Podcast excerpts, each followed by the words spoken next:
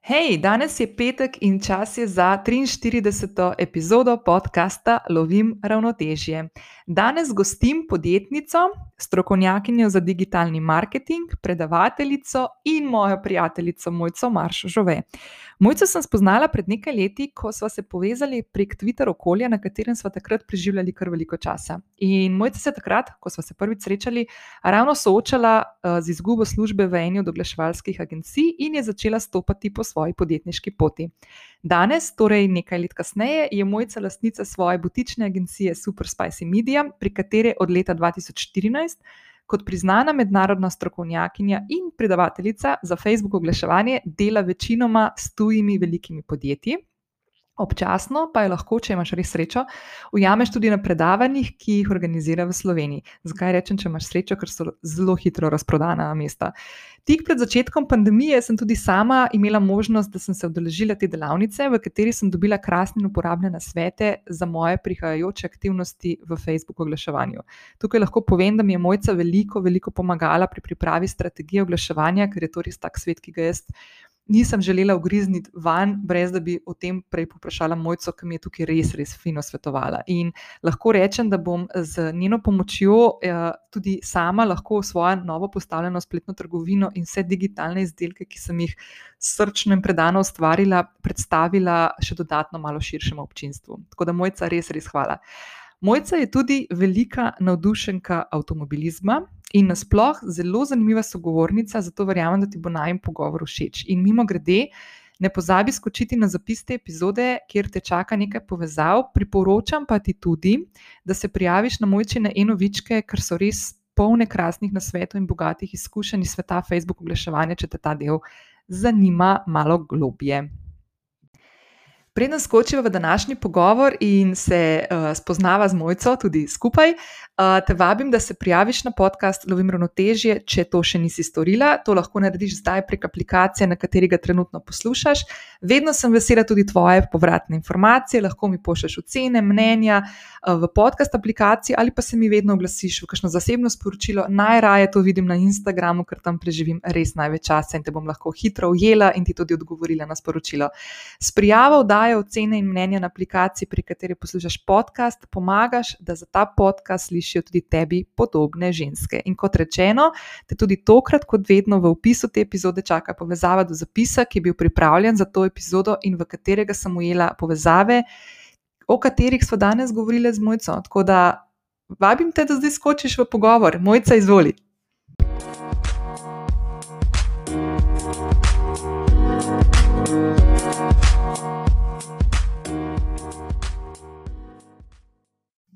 Čau, mojca. Živijo. Kako si? Ej, super, že tek mal na pol počitniško, ampak bo. bo. no, evo, mi ve tole snemamo malo uh, vnaprej, tako da poslušalke in poslušalci bodo to poslušali malo za mikom in lahko rečem, da sem se jaz tudi včeraj prvič vrnila, zdaj sicer je konc julija, sem se vrnila z morja in moram reči, da sem 21.7 prvič skočila v morje, kar je totalno naj, najslabši možen datum, oziroma najkasnejši datum v življenju mojemu. In sem tako vesela, da so mi soze tekle po, uh, po licih, ker sem prvič skočila. Tako da ti ful prvoščam, da tudi ti zbežiš um, kam. Ja, ja, jaz tudi sama sebi privoščim, tako da, ko mi že čakam, no, par dni še, pa, pa bom jaz tudi se mal relaksirala. No, da, bomo do tega malo kasneje prišli, zato ker je to še ena taka stvar. Uh, uh, ki je tvoja velika strast, ki jo boš povezala tudi letos s svojim dopustom, tako kot vsa prejšnja leta. Pa ja. do tega še prišli. Ja, okay, um, ok, mojca, dej, veš kaj za začetek. Dej mi najprej povej, um, kaj se ti je kaj zgodilo v zadnjih dneh, ki si tako ful uh, vesela, hvaležna, uh, bila, ne vem, te spravila tako ful dobro voljo. Kaj je ta zga, kar tako res si misliš, kako dobro se je to zgodilo? Rojstni dan sem praznovala. Um, ne bi se še enkrat. hvala. In dejansko, jaz sem si ful želela, že, mislim, da lani sem imela en tak cilj, sem rekla, jaz hočem naše, uh, pač na, mojo družino počastiti z eno večerjo oziroma kosilom v uh, Zemonu, torej pač dvorec Zemono. Tak, tak cilj je bil že lani, sem rekla, jaz to res hočem in sem šla. In kar je mene ful, ful presenetilo, ful mi je polepšalo cel teden. Ja, sploh nisem pričakovala, da so mi tam oni torto še pripravili. Jaz sem se ful sekirala prej, ono, jo, jaz nimam nobene torte doma, Jure se bomo mogla vmes ustaviti, da pač še našim torto potem nekako počastim pri nama doma. In pol so oni meni torto prinesli. Noben ni nič pričakoval, da mi je ful, ful, lep, pač res polepšalo mi je cel teden za naprej. No. Ful dobro. In tako kot bi vedela, ne, da si že od lani načrtovala to, da vmes se je zgodilo še to, da si šla pol za svoj rojstni dan v Mišlinovo zvezdico. Ne? Ja, evo, to, sej, to, pa mi, fora pa je, da smo mi že ful prej bukirali to, da še sploh nismo imeli Mišelinove zvezdice in pol mami najbolj vesela mi je poslala, ej mojca, dobili so Mišelinovo zvezdico, jaz. Yes. Tako je bil res dogodek. No. o, super, super.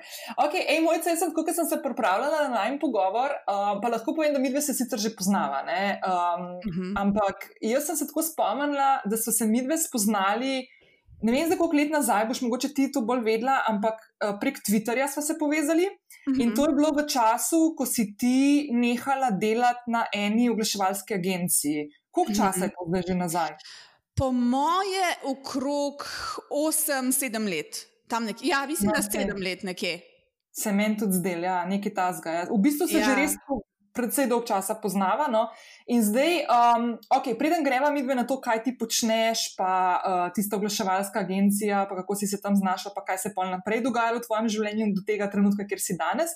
Da mi najprej malo povej, kdo ti sploh si, um, kdo je mojca, pa mogoče tako kot otrok že, kaj si, v čem si sanjala, kaj si si želela, želela postati, ko boš velika. Yes. Ja, ful, ful zanimivo. Jaz sem originalno hotela biti arheologinja.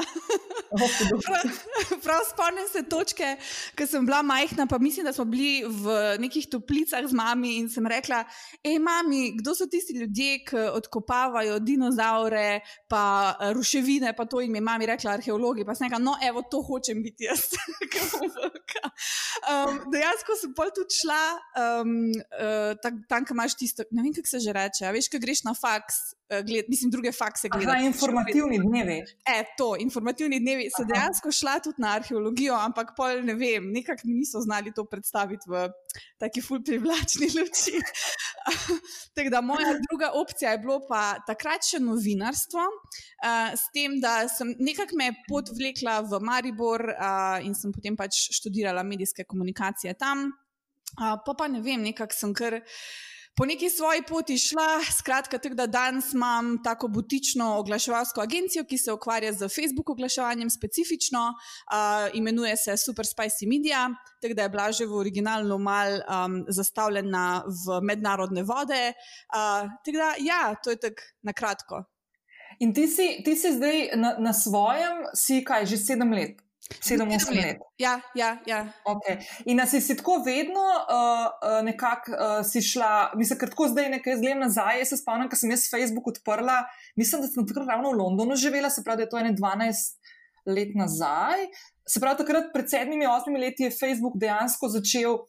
Um, s temi, tudi, ne, ne samo, da, da je bilo to družabno omrežje, ampak da so začele tudi blagovne znamke predpos, uh, uh, uh, izkoriščati ta medij za svoj branding, za svojo komunikacijo, konc koncev, valjda ne samo organsko, tudi s tem, da so spoš, uh, um, pospeševali svojo komunikacijo z oglaševanjem in tako naprej. A si ti že od samega začetka prav hotela iti v to specializacijo Facebook oglaševanja ali se je to potem razvilo s časom?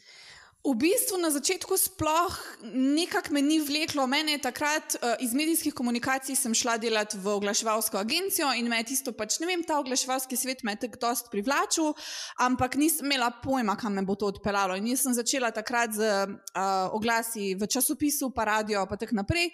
Po pa je vedno več naših strank tam na agenciji sprašvalo, pač kaj je ta Facebook, kaj, kaj lahko mi s Facebookom naredimo. Tako da je bilo dosti popraševanja uh, in pol smo mi takrat začeli začeli, tak, oni sicer niso bili ful zainteresirani za to na agenciji, ampak mm smo začeli tako uh, malo s Facebookom se ukvarjati, takrat še bolj z Facebook stranmi, ker mislim, da niti oglaševanja še takrat ni bilo.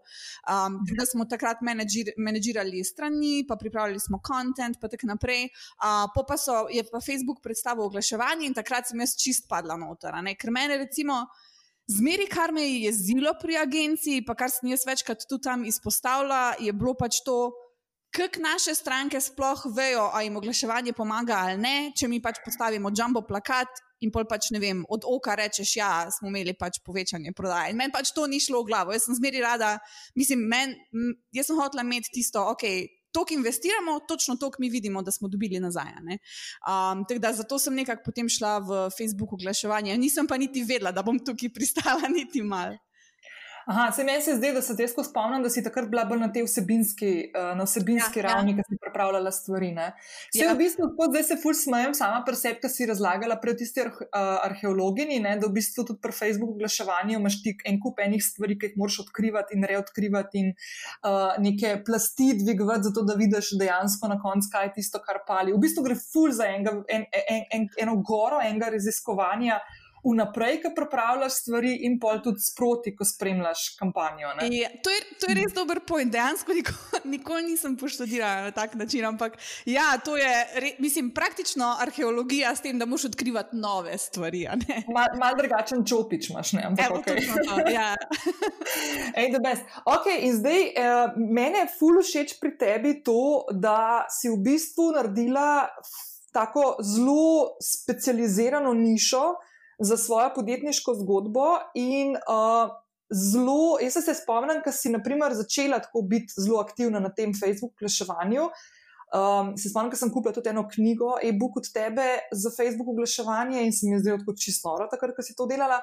In pol se mi je zdelo blazno, fantastično to in meni, meni totalno tuj svet, to, da si ti v bistvu začela, kot si rekla, že samim imenom in pozicioniranjem svoje podjetniške zgodbe, si se zelo hitro začela od samega začetka v bistvu usmerjati v tujino. Ne? In zdaj, kako to zgleda? Mislim, ti imaš, kje, kje imaš ti glavnino naročnikov svojih danes? Imaš še vedno tujino ali tudi Slovenijo? 100% Amerika.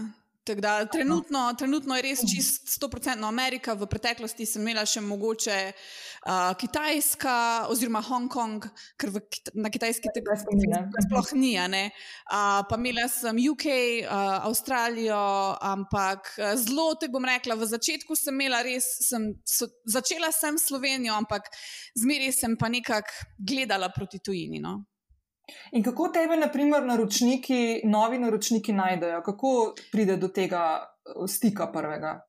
Ja, zdaj, zdaj moram reči, da um, sem prišla do točke, kjer oni mene odkrijejo sami. Torej, pač od ust do ust uh, pač mene priporočajo ljudje naprej. Torej, vem, jaz delam z eno stranko in reče: Veš, imam pa tudi mogoče uh, enega kolega ali pa enega znanca, ki pa bi tudi potreboval tvojo pomoč, pa, se, pa me na tak način večino odkrijejo. Uh, dost me odkrijejo tudi preko podcastov, sem bila gostja že na. Um, ne vem, jaz bi kar rekla, okrog 20, če ne več, uh, podcastih ameriških, uh, in kjer res pač nimam zadržkov, jaz ne držim nobenega znanja nazaj. Torej, če me vprašajo vprašanje, kako nekaj narediti, sem zelo odkrita, vse bom povedala, vse strategije, taktike. Uh, tako da potem, ko oni to poslušajo, reče, uh, zveni fu zanimivo, sam jaz tega sam se ne bom lotil in me kontaktira na tak način. Tako da zdaj moram res reči, da večinoma je kar organsko, no? uh, ni pa bilo vedno tako. Kaj pa je bilo naprej? Kako si pa začela, ko si začela uh, s podjetniško zgodbo in ko si imela nek produkt oziroma neko svojo storitev narejeno in si rekla, ok, zdaj grem pa jaz v svet. Uh, kako je pa takrat to izgledalo? Oh, to je bilo tako enega dela. Ja, no, mi se zdaj povej tako, tisto, kar ja, ja. se mi zdi, da bi bilo zanimivo, ker se mi zdi ful dobro da ljudje slišijo, da veš, um, nisem tisto šajni, šajni ja. stvari, ki jih zdaj vidiš, ampak da tle je bilo enega garanja, full velik, da prideš do tega, ja. da zdaj gre ta referral. Ne? Ja, ker jaz, jaz ko sem začela, skratka, um, mi potem z agencijo smo nekako nehali delati. Ne? Predvsem zaradi tega, ker sem jaz. Uh, mogoče malo preveč glasna ratala, kar se tiče um, Facebook oglaševanja. Sem res hotela to delati, oni ful niso bili zainteresirani. Jaz sem bila naj, eh, najmlajša članica ekipe in nekako, ne vem, nismo se čez, čez leto pa pol se enostavno nismo več ujeli. Uh, in oni so mene takrat odpustili in jaz mhm. sem rekla, gledaj, zdaj pač ne vem, jaz ne morem delati za nobenega drugega več. Ne vem, tako sem, do, dokaj samostojna sem postala v svojem delu, bolj všeč mi je bil uh, popoldanski čas, uh, oziroma pač, da delam popoldan, ne dopoldan. Uh, torej sem rekla, da bom pač probala jaz za sebe nekaj delati. S tem, da Takrat, seveda, jaz strank od oglaševalske agencije nisem mogla vzeti, nisem pač mogla jih kontaktirati, reči, hej, ne vem, jaz sem zdaj na svojem, gremo pač delati. Itak pa tudi noben ne bi, verjetno. Konec koncev agencija je imela, uf, mislim, oni so imeli nagrade, pa ne vem kaj vse, jaz pač sem bila nobarija. Um, tako da sem takrat rekla, ok, pač. Treba je uh, trdo delati, treba je zagrabiti. Dala sem si cilj, uh, da moramo v bistvu v dveh mesecih dobiti toliko strank, da si uh, pokrijem tisto plačo, ki sem jo imela prej, oziroma da pridem do tisto plače, ki sem jo imela na agenciji. Če mi to ne uspe, moram iti pač v neko običajno službo. Čakaj, stoj, dve, dva meseca časa si si dala? Ja, mislim, da je bil mesec, mesec pa pol dva meseca časa. Ja. Ok, pa da mi povej, koliko si bila takrat stara. Uh, 22. Okay. Ker jaz se spomnim, takrat, ko si ti to naredila, a se jaz prav spomnim, da si tudi imela ene par intervjujev v medijih slovenskih, ki so te ful sprašvali o tem, ne? Ja, zaradi tega, ker pač se mi zdi, da takrat še ni bilo pri nas toliko mladih podjetnikov. Um, ja, se mi zdi, da zdaj mogoče je to bolj normalizirano, takrat ni bilo toliko in je bilo res bolj. Izjema, da se je pač nek, rečemo, 22-letnik oziroma 22-letnica lotila nečesa takega, mhm. sama. Ne? Uh, takrat, sem, ja. ja, takrat sem bila dejansko v delu, uh, je bil intervju z mano in pač, kar je mene ful presenetilo. To, oni so mene pač sami kontaktirali. Ja, zato, ker ste na Twitterju, ker ste na Twitterju videli, da si o teh stvarih pisala. To se tudi ja. jaz spomnim, ker mi dve smo takrat sedeli, jaz prav ne bom pozabila. Mi smo takrat sedeli, okay, smo se v Tozdu, to zdaj hrvem. Ja, ja. Če smo enkrat klepetali na bregu Ljubljance, preden je bil prenovljen tudi tam v njih starih ja, stopnicah. Ja. In smo se ful pogovarjali o teh stvarih in tudi to. In jaz se spomnim, ker takrat je glih ta zgodba v delu prišla ven od tebi. Ne? Ja, ja. O tej ja. pogumni mladi podjetnici, ki je. Uh, ki jo ni dotovkla izguba službe, ampak se je full hitro obrnila. Ja, ker vsi. Ja. ja, ker jaz sem takrat dejansko o tej moji izkušnji, kako sem izgubila službo, pisala na svojem. Takrat sem imela še, še nek blog, mislim, da je bil tako, ne vem, mojca mars.com ali nekaj takega. In takrat sem jaz napisala celo izkušnjo v smislu, um, koliko pač ne vem, slovenske agencije niso zainteresirane za neko inovativnost in da se oni pač držijo tistih starih načel, pa starih principov oglaševanja, in kako se bom jaz zdaj pač so me odpustili, in kako sem jaz tega lotila čist za sebe. In to je takrat full, full viralno bilo na Twitterju, ne vem, uh mhm. -huh. kaj ne, ampak očitno jaz sem tisto objavila, ljudje so full začeli retvitati in tako je mene tudi uh, delo potem odkrilo in so tudi članek o tem napisali, s tem, da tako moram reči dobra reklama je bila tako na splošno, ampak jaz iz tega nisem dobila nobene stranke. Kvečem sem mhm. dobila ful neke hate klice, ki so me ljudje klicali in rekli, kaj si pa misliš, da si. Aha, ja, itak, klasično. Klasika, čist. Tako da, uh, pa se jaz rekla, je pač nič, ne vse en treba, nekaj, nekaj je treba zagrabiti. In sem potem izbrala tako, hotela sem delati Facebook oglase, oziroma takrat še bolj ta Facebook page management, pa content ustvarjati. Uh, in sem dejansko odprla Facebook in sem šla čez svoj newsfeed in sem videla vse tiste neke brende, ki so se trudili oglaševati, ki so trudili pač nek kontent delati, pa mogoče niso bili najboljši v tem. In sem si jaz kar seznam ljudi naredila, in to je bil seznam stotih uh, Facebook pageov oziroma stotih podjetij, in sem jaz njih kar kontaktirala direktno. A pa to so bila slovenska, že, že takoj tuja podjetja? Ne, jaz sem začela v Sloveniji čist zaradi tega, Aha. ker sem vedela, sem, da hočem delati s tujino, ampak sem vedela, da če jaz grem iz nič, pa tako je Amerika, bo dosti dlje trajalo, ker pa če grem iz nič, pa Slovenija, pa si naberem neki referenc, pa grem potem Ameriko gledati. Uh. -huh. Štekam, da, ja. potem na tak način sem jaz, uh, en, še zdaj imam tisti seznam, ki je shranjen, tistih stotih podjetij. In sem jaz dejansko najprej poslala en e-mail, potem sem poslala drug e-mail, če ni bilo odgovora, sem jih klicala. Tako da je bil res pač cold emails, uh, cold calling uh, in iz teh dejansko stotih podjetij, ki sem jih kontaktirala, so meni, mislim, da tak pet mi jih je odgovorilo, pa tak trije so bili ne, dva, z dvema sem pa potem začela delati. Ok, se pravi, ful dobro, fura. 95 odstotni usip, kar je, ja, ja, ja, kar je v ja. bistvu. Ok, meni je to ful dobro, zato ker, um, ker si res včasih tako predstavljamo, da da se stvari kar tako zgodijo, ali pa, ali pa tako imaš pričakovanje, sploh v tej dobi uh, teh instant zadovoljitev, ki ja. imaš v dosegu klika v eno stvar, ki se pa zgodi. Ne? Da imaš občutek, da ko nekaj pošljaš, pa nekaj postaviš, da zdaj pa, mm -hmm. da se je pa kar zgodil. Ne, dejansko moraš tukaj vztrajati, težiti, prijazno vaditi, težiti in pač vedeti točno, kaj hočeš in za tistim laufati. In ja, pa te težko karkoli ustaviti. Ja, sej, a veš, takrat se mi zdi, da mogoče še. Tako se reka, časi so, si, so se ful spremenili od takrat. Uh, in zdaj mogoče res iščemo tisto instant zadovoljitev, ampak takrat, recimo, jaz sem pač vedela, oziroma noben ni pisal niti člankov o tem, kako dobiti prve stranke in sem pač čakala, ja, ne, bom pač probala e-mailat, pa vedela sem, da bo dosti dela in jaz sem se res. Vsako jutro sem se zbudila, odprla tisti svoj seznam, tisti svoj spreadsheet, ki sem ga v Google Sheets naredila čisto na easy. In sem pač šla e-mailat, šla sem klicat, uh, pa je bilo meni ful, ful neprijetno. Jaz ne vem, meni je bila neznanka takrat se toliko izpostavljati. Uh, ni bil najbolj prijeten občutek, zdaj ker reči, ja, jaz sem pa zdaj neka nova podjetnica, pa ono 22 let stara. Veš, noben, mislim, ve, mhm. večina ljudi me sploh ni resno jemala. Ampak tek s tistimi, ki smo pa začeli delati, so bili pa ful zadovoljni in um, tek se je potem nekako meni začelo tudi naprej odpirati. Ej, ful dobro. A se ti spomniš, da je potem mogoče ti nehal biti tako neprijetno? Ki si, na primer, tako pristopila k nekomu na, na, na hladen, hladen klic, ne, na nekoga, ki ga ne poznaš, ki ne ve, kdo si ti. Ali si imela vedno tako občutek, tako malo? Uh, Zmeri mi je bilo manj, od začetka mi je bilo fulne prijetno, uh, pol pa vedno manj. Tako da jaz mislim, da nekje tam pri 80-ih klicih sem že bila ono, pač gledaj, ne pač vsi smo ljudje, ne, um, in sem pač dvignila telefon in sem rekla, pač, what's the worst that can happen? Pač rečejo mi ne in je to to. In pač mogoče. Uh mal bom razočarana tisti dan, pa bom kako zadnji svina na koncu spila, pa bom rekla, le, pa se bom vse naslednjo jutro ostala, pa še enkrat šla klicati. Tako da na koncu sem si res rekla, le, what's the worst that can happen? In to mi je pomagalo čez tisto, ta prvo krizo, oziroma najhujšo neprijetnost iti. E, jaz te to fully razumem, ker sem imela, jaz kot, kot, uh, kot sem, naprimer. Uh, osredotočena bila praktično 16 let svoje kariere na to, da delam z novinarji. Jaz sem imela vedno full velik strah poklicati mhm. novinarja ali mm -hmm. pa novinarko.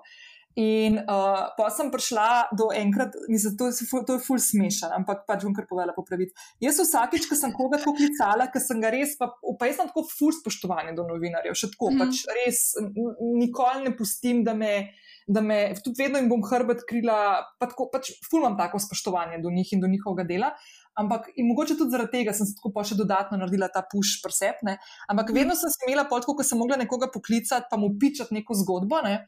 Uh. Sem si predstavljala, kako sedi na VC-ju in da to zgleda tako nekaj takega, kar premena, veš, da jaz tudi sedim tako na VC-ju. In jaz se spomnim, da sem te te stvari v glavi si delala že, ko sem bila v šoli, ko so nas še klicali pred tablo, ko smo bili vprašani. Isto stvar sem imela. Jaz se spomnim, v gimnaziji sem imela eno učiteljico angleščine, pa jaz angleščino nikoli nisem imela težav, ampak je bila ona res tako full zoprna. In jaz sem si vedno njo predstavljala tudi na VC-ju. Pač mene, mene to vedno nekako naredil človeka človeškega. Veš, ne glede na to, koga kličem. Mi je bilo tako, da ja. na koncu smo si full enaki in dejansko se lahko zgodi, da ti nekdo reče ne.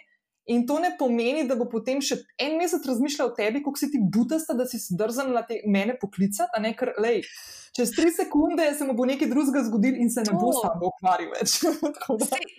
Točno, mi, mi si zmeri mislimo, preden gremo v tako situacijo, da zdaj kličemo neka izvenzemeljska, nadpoprečna bitja, ki ne vem, kaj se bo zdaj zgodilo. Ne pa tako si rekla, mi si mislimo, o, zdaj bo pa razmišljal še tri ure potem, jaz, kako si je ona drznila mene. Ja, pa, mi tako pač ljudje pozabijo, čisto, mislim, to so ljudje, lej, vsi smo ljudje. In, ne vem, jaz sem tudi potem s prakso um, nekako prišla do tega, da sem rekla, gledaj, pač, ne, oni tudi na drugi strani, da je tudi človek, ne pač, ki bo ne vem, ima neke normalne stvari, ki jih dela čez vsak dan, in bo bilo potem isto lažje. Ej, in ti potem si v mesecu in pol, dveh mesecih dosegla tisto, tisti cilj, ki si si ga zadala? Sem, ja, sem. Tako da pol mi ni bilo treba, treba iti v neko običajno službo delati za nekoga drugega. okay, kako si pa pol ta premik naredila, da si začela tuje firme iskati? Kaj, kako, kako si se tega lotila? Tako, uh, ker, naprimer, meni je to taka stvar, ki si mislim, ok, sem tu delo drugačno. Jaz si sploh ne predstavljam, da bi, naprimer, svojo to um, uh, kor dejavnost PR-a, ki je tako vezana ne samo z jezikom, uh, kot mm tudi s tem, da imaš ti res poznanstva v medijih. Jaz pač to mm imam v Sloveniji, nimam pa naprimer v Italiji. In mm si mhm. sploh ne predstavljam, da bi to delala kje druge. Um, kako, kako si se tega lotila, kje si iskala stranke, na kakšen način? Ja, pri meni je bilo res lažje, ker recimo Facebook oglase niso tako, ni tako občutljivo, mogoče pa pretepane, ki bi šla v tujino iskati. Torej, jaz lahko res dobesedno za, za kogarkoli delam Facebook oglase, edino mogoče malo znanja moram imeti o marketu, ki pa tudi moram reči odkrito povedano, ta targeting ni tok. Ne razlikuje se to kot države do države. Mhm. Um, tako da jaz sem imela zmeri um, nekako, ne vem, Amerika je bila meni cilj. Predvsem zaradi tega, ker sem jaz že od nekdaj, že ko sem bila na agenciji, sem brala pač članke od tujih podjetnikov in sem jaz slišala dejansko, koliko oni računajo za svoje storitve in koliko američani mogoče. Pa nočem zdaj Amerike pozdigovati, ampak taka je bila situacija takrat, še danes jaz mislim, da je situacija taka, govorim pač iz vlastnih izkušenj, ampak oni so znali bolj ceniti te storitve, pa bolj so bili pripravljeni investirati. Uh, in je mene pač ta trg dosti bolj privlačil. Um, tako da sem že jaz od nekdaj, ko sem jaz rekla, ok, jaz grem na svoje, zmislila sem si ime, kakšno hoče imeti uh, svoje te butične agencije. Uh, in sem rekla, ok, jaz si bom postavila neko spletno stran. Uh, in kljub temu, da so moje stranke iz Slovenije, jaz želim, da je moja spletna stran v angleščini. Torej, uh, v angleščini cela spletna stran, vsi blog posti naj bo napisani v angleščini, newsletter, ki ga vam pošiljam, je bil v angleščini. Torej, že takrat sem si nekako te temelje postavljala, da bi jaz potem eventualno prodrla v nek, v nek tuj trg. In potem sem pač začela tudi cel. Twitter, celo Twitter prisotnost graditi na, na tem. Torej, jaz sem predtem sem tvitala vse v slovenščini, takrat sem se pa jaz zavestno odločila, ok, um, zdaj pa mogoče čas, da jaz malo prešaltam na angliščino, um, zaradi tega, ker bo mene tudi drugi na tak način lažje odkrili, ne? torej neki tuji podjetniki. In sem si začela pač Twitter tudi graditi, uh, in potem eventualno me je to pripeljalo do enih followerjev iz tujine, in to so bili ljudje, neki podjetniki, ki sem jih jaz zmeri občudovala. Torej, jaz sem jih sledila na Twitterju, dosti smo si pisali, kadarkoli so oni iskali kako pomoč v zvezi s Facebook oglaševanjem, v zvezi z ne vem, kakršnim koli kontentom, so sprašvali na Twitterju, jaz sem izmeri nesebično odgovorila, zmeri sem jim pomagala. Na tak način so oni mene odkrili, so mi začeli slediti in to je potem dejansko pripeljalo do tega, da je mene en podjetnik, ki mi je bil res vzor, uh, je mene kontaktiral in rekel, hej, bi prišla ti na mojo konferenco v Ameriki govoriti o Facebook uh, oglaševanju. In sem bila tako ok, what, what is happening? In je rekel, jaz sem šel pogledat tvoj blog uh, in vidim, da imaš res dosti znanja, ful pišeš, uh, si mi že nekaj pomagala na Twitterju in res me zanima, pač, če bi lahko prišla govoriti. Uh, takrat je bil pač um, edino to, ker je bila to dosti manjša konferenca, so rekli, ja pač le, ja ne potne stroške um, si boš pač plačala sama, mi ti pa plačamo hotel. Ampak le, takrat je bila za mene to mislim, taka priložnost, da sem rekla, itak, pridem.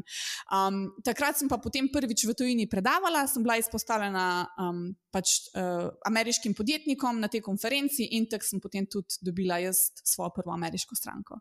Ej, jaz se tega ful spomnim. To, jaz se prav spomnim, ko si šel ti v Ameriko. Koliko, koliko časa po tistem, ti, po tistem mesecu, pa pol? oh, jaz mislim, da je bilo to, če ne celo tako eno leto zatem. Okay, uh, da, jaz, Ja, tako da jaz mislim, da je bilo pač takrat, ko sem začela z slovenskimi strankami delati, uh, pa sem imela pač full sem delala tega client worka, potem na strani sem pisala full blog, blog poste, uh, dosti sem kontaktirala te ameriške podjetnike na Twitterju, malo smo četali in potem čez eno leto so oni mene dejansko povabili, da pridem uh, govoriti. Ja. Hudo. Okay, ampak dej, zdaj pa eno, ful, mislim, da, mislim, tako se zgleda, tako, vse deluje tako ful uh, organsko in enostavno, čeprav valjda, je bilo tle en kup enih stvari, ampak par stvari mi je tako zdaj padal. Um, vmes, um, ki si tako uh, omenjala, da si v bistvu že na Twitterju uh, dajala kakšne nasvete, pa povedala, -hmm. pa odgovorila na kakšno vprašanje.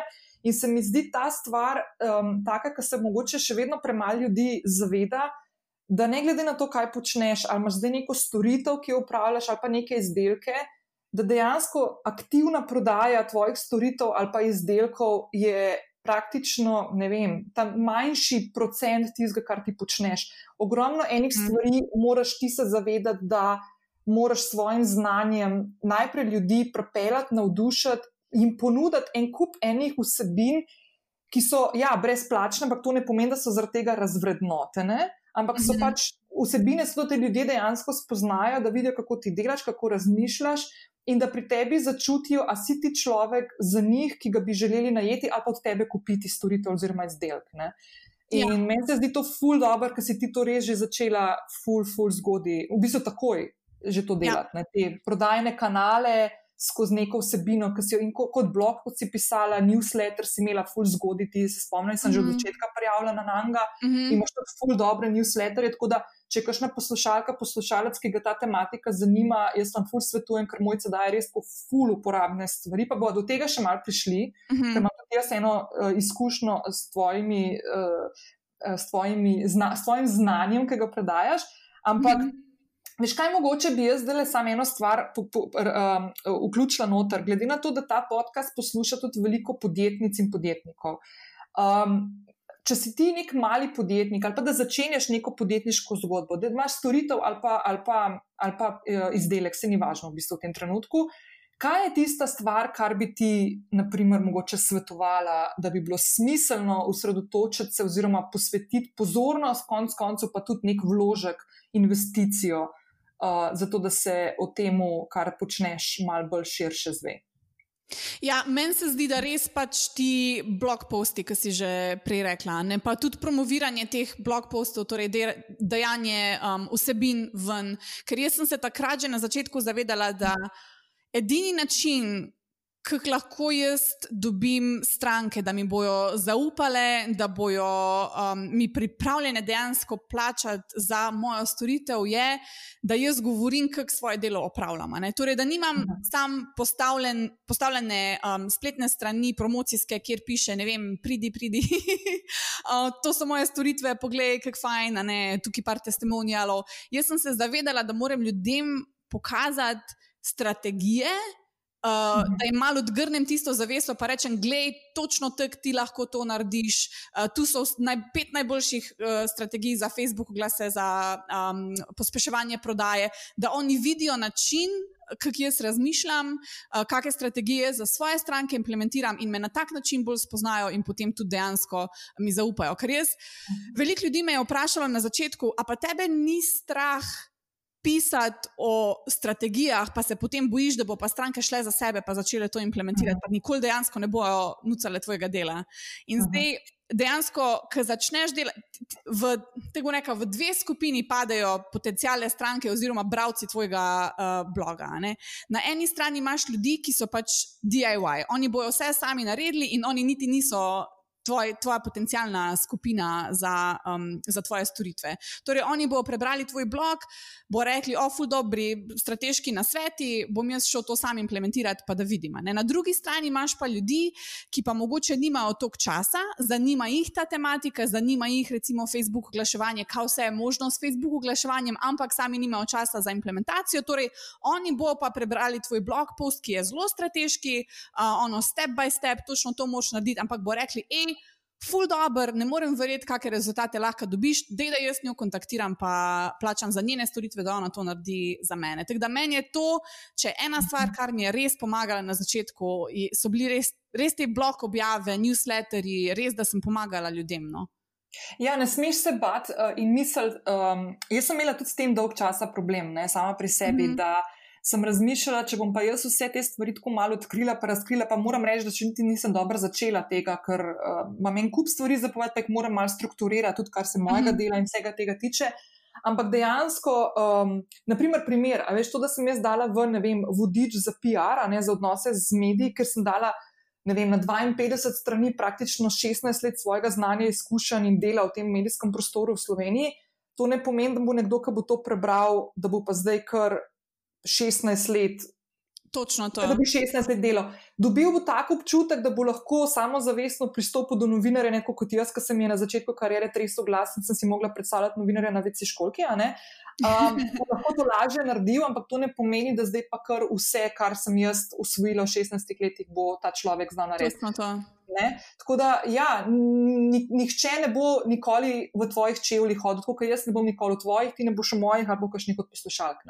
Točno to. Uh, in tega se ne smeš bati. Dejansko, bolj kot se razkriješ in odkriješ, kdo si, kaj počneš, kako počneš, več privlačiš k sebi strank, kupcev, naročnikov in tako naprej. Mhm. Pa, pa jaz recimo zmeri isto rečem, um, pa, pa pogovarjala sem se tudi z parimi kolegi iz Amerike in smo prišli pač do neke skupne ugotovitve, da če bi ljudje recimo šli uh, na mojo spletno stran pa šli prebrati vse blog poste, bi dobili približno, pa, pa rečemo, ajde, vse blog poste, pa vse videe, ki sem jih objavila, pa pogledati vse webinarje, bi dobili približno enako um, vrednost, kar se tiče vsebine, ki pa jo jaz potem tudi prodajam naprej v svoji e-knjigi. Ampak zdaj imaš tu, ali boš ti šel vse moje blog ja. poste prebrati, pa si tisto vzeti čas, pa vse preklikati, pa vse videe mhm. poiskati, pa vse webinarje poiskati, ali pa boš ti kupil e-knjigo, pa boš tam noter dobil. Tako da potem recimo tu zraven še imaš um, ta, um, pač koliko je, je neki priročno, ne koliko ti tudi čas prihrani. Um, ja.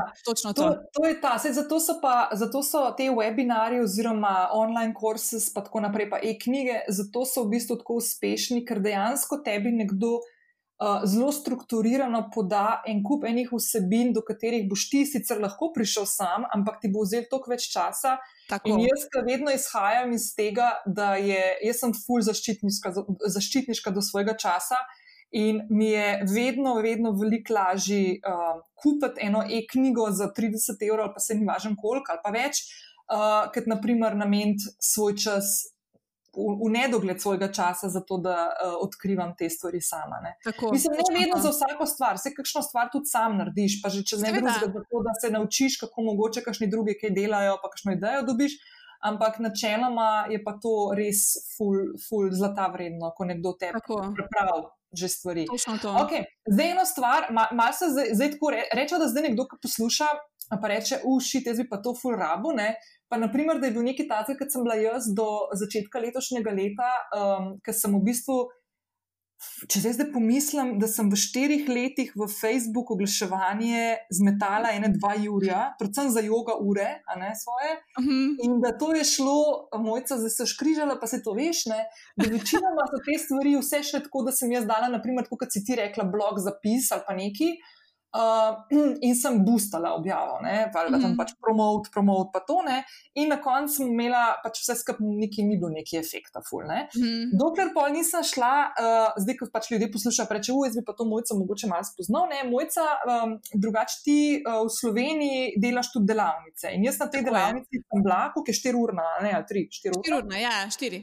4 urna delavnica, ki je v bistvu ful dobro narejena.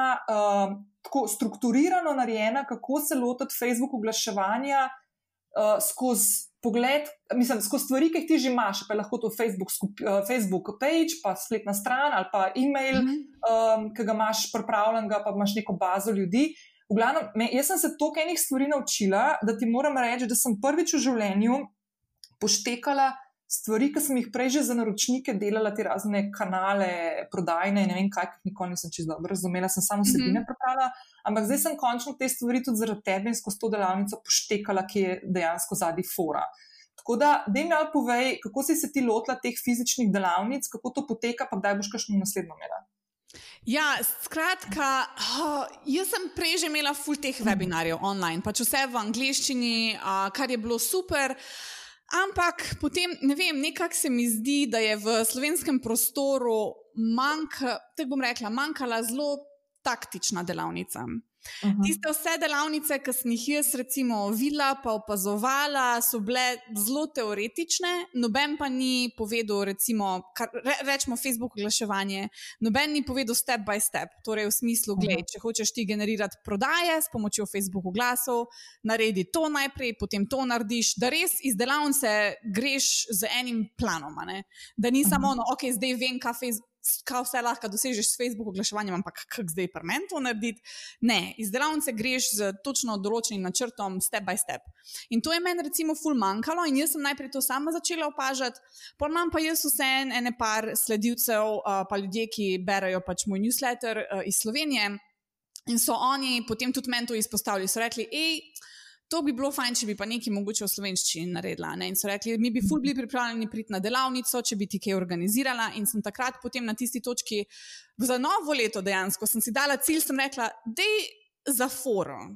Da bom naredila eno samostojno delavnico, omejila bom sedeže. Mislim, da je bilo tako 14 ljudi, če se jaz prav spomnim. Uh, in sem rekla, bom omejila, zato da je res zaprta skupina, da lahko jaz res vsakmu podam nek uh, personaliziran nasvet, pa da vidimo, kaj se bo naredilo. Čakaj, stoj, to, na tej delavnici, ki sem bila jaz, bila tvoja dejansko prva fizična delavnica prva, v Sloveniji. Tako, prva ja, fizična točno, ja. delavnica. Ja. Ja, okay. Potem sem še naredila eno, on, eno virtualno zaradi COVID-a, pa še eno fizično. Um, da, ampak tista je bila pač čist prva in se nekaj dej za foro, da pač vidim, Uh, in sem najprej nisem niti postavila spletne strani. Jaz sem rekla, da sam hočem videti, rekla, če pet ljudi pride, si pokrijem jaz stroške in je meni pač to top. Sam to, da pač jaz dam tudi neko vrednost nazaj, res sem tako bom rekla, passionate sem, da pomagam ljudem in se nekaj no, da vidim. In sem postavila, samo eno, objavila sem sam Facebook objavo, pa mislim, da na Twitterju, da sem objavila uh, v slovenščini, torej da pač pripravljam prvo samostojno organizirano delavnico v Sloveniji in da če koga zanima, ne mi pošlje e-mail. In je bila že kar, mislim, to, ki je bilo zanimanje že na začetku, da sem, mislim, da skoraj vse sedeže pač dejansko prodala. In pa sem mhm. rekla, eno, da je hitro postavim spletno stran, pa sem hitro tisto postavila, pa še malo promovirala s Facebooku glas in sem jo tako v roku dveh dni, mislim, da je bilo pač čisto razprodano. Um, tako da je bilo res, mislim, ful, ful sem bila zadovoljna, uh, sem pa pripravila ja, tako štiriurno delavnico, ki je, mislim, se lahko vse sama veš, zelo, zelo taktična. Ne? Torej, pač res povem točno, kak in kaj, step by step. Seveda, malo teorije, ker pač je potrebna za neko osnovo, da si jo narediš v oglaševanju, ampak je pa, mislim, s planom odideš stran. No? Ne, to jaz definitivno moram reči, da si mene ti v bistvu na tej delavnici, veš, kaj, mi, veš, kašen, um, kaj, kaj je bilo meni najbolj tako, da si mi odprla oči. A veš, ko si začela govoriti o tem, kako si uh, hotela novinarstvo študirati, pa, pa si šla na te medijske mm -hmm. študije, pa, pa si delala na agenciji, kjer si v bistvu delala vsebino. In dejansko ti še zdaj skozi poudarjaš, kako ti vsebino generiraš, delaš ja, bloge, ja. delaš in to. In mogoče nekdo dobi občutek, da delaš ti um, Facebook oglaševanje, da delaš tiste oglaske in ne vem kaj, ampak dejansko je tle tak preplet vsebine. Ja z samim oglasom, ker naprimer jaz sem vsebin, meni panike blog napisati, meni panike strniti misli, pa posneti podcast epizodo samostojno ali karkoli tasga. Mi je pa panika razmišljati o tem, kako narediti neko oglaševalsko kampanjo. Meni, meni je, mm -hmm. naprimer, uh, težko mi je včasih razmišljati o nekih prodaj, veš, prodajnih vsebinah, kako to napisati. Zato, ker jaz že iz tega vidika, ker sem PR-ovka, moram znati nekako to prodajno vsebino, ki, ki vedno je zadnji, jo moram tako zapakirati, da je novinar, naprimer, nikoli ni prepoznal. Kot neko prodajno mhm. vsebino, ker drugače ne bi, bi, bi mi rekel, lepo klič trženje. Ampak, veš, mm -hmm. vedno sem mogla to skrivati, zakrivati. In, in zdaj ne, lahko povem, um, da no, bom kar tako povedala iskreno, da jaz se v bistvu zdaj s svojo pomočjo lotevam svoje prve ta prave oglaševalske kampanje na Facebooku. In lahko rečem, da sem potem, ko sem šla čez svojo delavnico, ker smo pa tudi vsi, ki smo bili tam, dobili um, material in, in, in PowerPoint prezentacijo, ki so jo imeli, in tako naprej. In jaz, ko sem šla čez to PowerPoint prezentacijo, zdaj po parih mesecih od te delavnice, še enkrat, sem poštekala logiko vseh teh stvari, mm -hmm. ki, jih, ki se jih dela. In ti povem, lahko nisem pa tudi poslušalkam, da sem jaz porabila, po mojem, 20 ali pa skoraj 30 ur časa, da sem pripravila vse vsebine zato da bo stala oglaševalska kampanja, tako kot si ti rekla, da ne bi mhm. stala. Prej sem mhm. boostala postanem. Sam to, da se pač vidi, da to je res so stvari, ki jih moraš pač. Ja. Premišljeno narediti, zato da nekoga za roko peleš, zakaj bi potreboval nek tvoj izdelek ali pa storitev. In meni se zdi tako, meni se ti tle tako sezujem, ker sem jaz te stvari pripravljala, mi je bilo samo tako, o moj bog, o moj bog, to je čisto svet. Ne? In mm -hmm. zdaj se ful veselim tega, da skočim še v ta dela, veš. Ja. Um, Ker me, mene, recimo, mislim, mene je motlo, mogoče zaradi tega, ker večina tistih marketerjev, pa Facebook oglaševalcev, pa Facebook ads gurujev ali karkoli. Oni so zmeri pač Facebook oglase prikazali na, nač na način, v smislu, eh, ne rabiš nič druga, malo se pošpilaš v Facebook Ads Managerju in bam, boš zgeneriral, ne vem, 100 tisoč dolarjev na mesec. Pa ni tako, zaradi tega, ker jaz meni pravim, da Facebook oglasi. So nadgradnja obstoječi marketing strategiji, tako si rekla, vse se prepleta, um, blog posti se prepletajo, neki lead magneti, uh, vodiči za pač brezplačen download, vse to se prepleta, ni v smislu, ti boš sam In jaz to odkrito povem. Jaz pač povem, gledaj, se pač lahko ti brez blog postov se lotiš neke uh, Facebook oglaševalske strategije, ampak pač efekt ne bo tak, kot pa če imaš ti neko bolj obširno marketing strategijo, ki vsebuje od nekega content marketinga, neke vsebine, lead magnetov, blog postov, newsletterjev in potem uh, je, so Facebook oglasi nadgradnja temu. Mhm.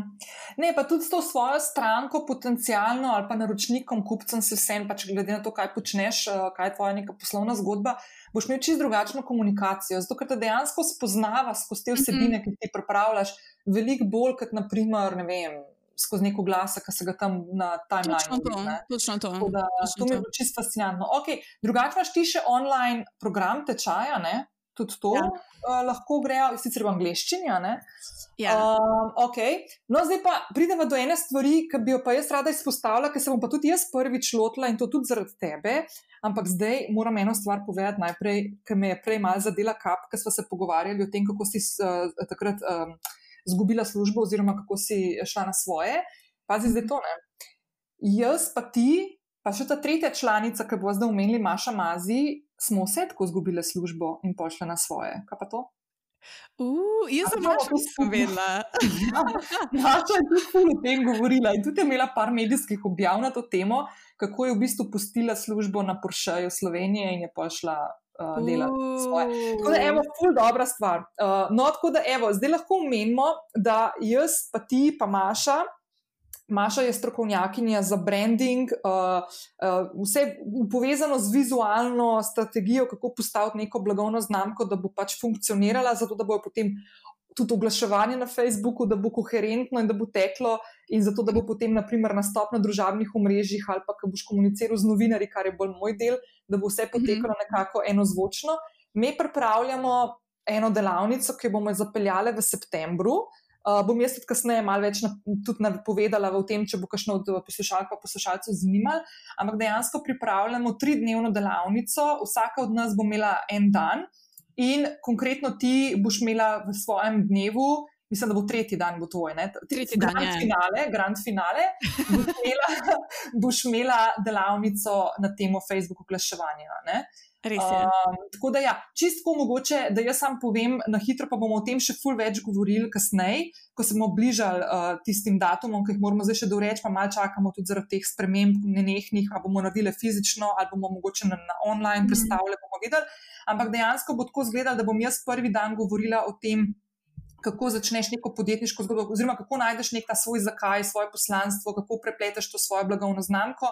Potem se bomo pa zelo hitro lotili tega, kako potem komuniciraš in z mediji, kako narediš neko svojo podjetniško zgodbo, uh, v katero je lahko pleten tvoj izdelek ali pa, ali pa storitev, ali pa ti osebno, uh, kako jo mhm. predstaviš skozi medije in s tem nagovoriš širše občinstvo, in kako gradiš svojo zgodbo na družabnih omrežjih, kako se prepletaš z digitalnimi vplivneži, ki postajajo uh, ful pomemben del marketinškega spektra in mimo grede tudi jih lahko uporabiš pol v Facebook uh, oglaševanju, mm -hmm. testimonijale in tako naprej.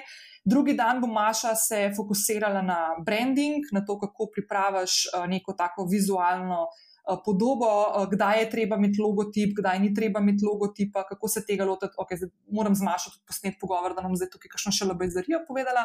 In potem na koncu, za piko na i, boš ti pač povedala, kako pa zdaj, ko imaš vse te stvari narejene in ti je fulbal jasno, kaj želiš in kako hočeš se predstavljati, kako zdaj to pušati naprej skozi uh, Facebook, ki je v bistvu platforma. Ki uporablja, koliko, koliko slovencev zdaj, naprimer, če samo v Sloveniji govorimo? A veš, da sploh ne vem. Slovenijo sploh ne. 50 tisoč zihar, pa zadnji. Ja, ja, ja, ja, ja. To, to, jaz se tudi te zadnje številke spomnim. Ja. Skoraj da polovico slovencev uporablja, uporablja Facebook. Ne? Tako da, um, tako da tle bomo te stvari zapakirali, tako da dobi nekdo, ki se ukvarja ali pa ki stopa na neko podjetniško pot ali pa razvija neko svojo storitev, pa ne ve, kako se tega čisto dobro lotiti ali pa izdelek, da boš dobil tako paket vsega tistega, kar je fajn, da imaš zelo strukturirano pri sebi, da se tega lotiš in pa sam kljukaš stvari in lahko narediš veliko mm -hmm. hitreje. Nek tak preskok. Meni je to žal, da takrat, ko sem jaz začenjala, da ni bilo nečesa takega, neke take delavnice, sploh v Sloveniji. Mm -hmm. Jaz vem, da recimo. Takrat je bila, mislim, to podjetniško gibanje v Sloveniji je bilo res v povojih še takrat. Uh, noben še ni več delo. Jaz sem se vsega tega kar si ti zdaj povedala, da bomo mi predavali, sem se jaz pač res vsega mogla iz tujine naučiti. Tako da, mhm. joj, ker ono, jaz ne. Ko mi čakam, da pridem vajo poslušati. Ja, ne, ej, mislim, jaz, jaz, mimo grede, jaz pridem tebe tudi še enkrat poslušati, zato ker mi je to ful dobro in ker bom čist drugimi očmi, a veš, gledala stvari, ki so se mi v februarju. Pa lahko še to povemo, da mi smo se to uh, nameravali narediti že uh, za maja meseca, pa pač ja. ne, se je zgodil svet. Uh, tako ja. da, ja, res se tega ful veselim in ko mi čakam, in, in ja, in best.